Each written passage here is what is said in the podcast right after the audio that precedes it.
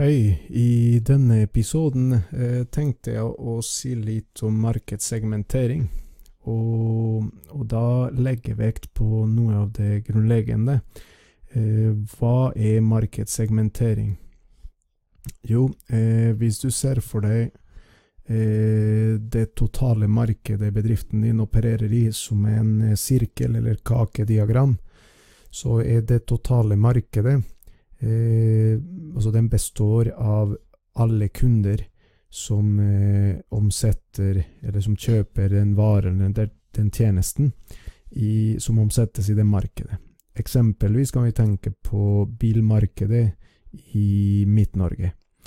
Alle som kjøper eh, bil i Midt-Norge, de er med på kundesida av markedet for bil i Midt-Norge. Når vi da tenker kundesegmentering, er det viktig at du husker at, eh, at vi da snart bruker ordet marked eh, i betydning kundesida, altså kundene. Eh, si at det er, bare for å ta et rundt tall, at det er 10 000 kunder i Midt-Norge som kjøper eh, bil hvert år. Da er det totale markedet, eller kundesida av markedet, eh, den består av 10 000 kunder. Og da Uavhengig av om kunden kjøper eh, hos deg sjøl, altså din bedrift, eller dine konkurrenter. Det er altså den totale omsetninga av biler i, i Midt-Norge. Det som er eh, arbeidet med å segmentere det markedet, det handler om å dele inn markedet i mindre biter, altså mindre kundegrupper, kundesegment, som det heter, eh, som har eh, fellestrekk. Det fins kundesegmenter som består av få kjøpere, andre kundesegmenter består av større kundegrupper.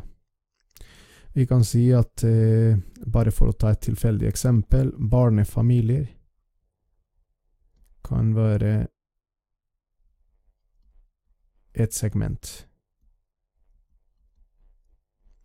Fordi vi har undersøkt markedet og brukt eh, både bransjekunnskap og annen tilgjengelig informasjon, og kommet fram til at barnefamilier den type kunder, de har fellestrekk eh, i måten de handler bil på, eller hva de legger vekt på når de handler bil, altså sine kjøpskriterier.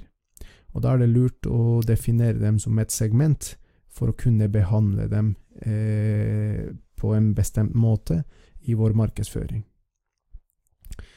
Eh, vi kan eh, også dele inn markedet i eh, enslige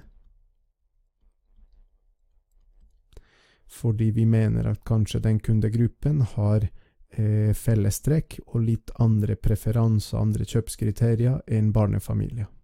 Da er det viktig å definere dem som et kundesegment for å kunne tilpasse markedsføringa for den målgruppen.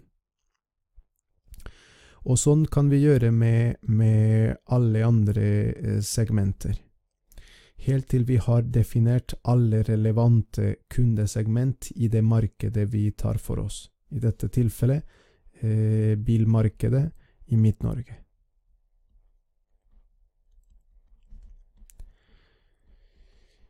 Eh, når eh, vi da har eh, segmentert hele markedet, delt inn hele markedet i homogene grupper, segmenter, da, når vi beveger oss over til eh, strategi eh, i markedsføring, så er da første steg å definere hvilke segmenter man skal sikte seg mot.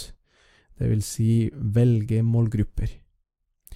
Og la oss si at en bedrift eh, i bilmarkedet velger at eh, Eller har funnet ut at barnefamilier og enslige det er store nok kundesegmenter, og som er attraktiv for dem, og de ser at det er lønnsomt å, å, å bruke eller legge vekt på dem i sin markedsføring. Og da definerer de to kundesegmentene som målgruppe. Da har bedriften eh, definert at det er dem som eh, bedriften skal satse på.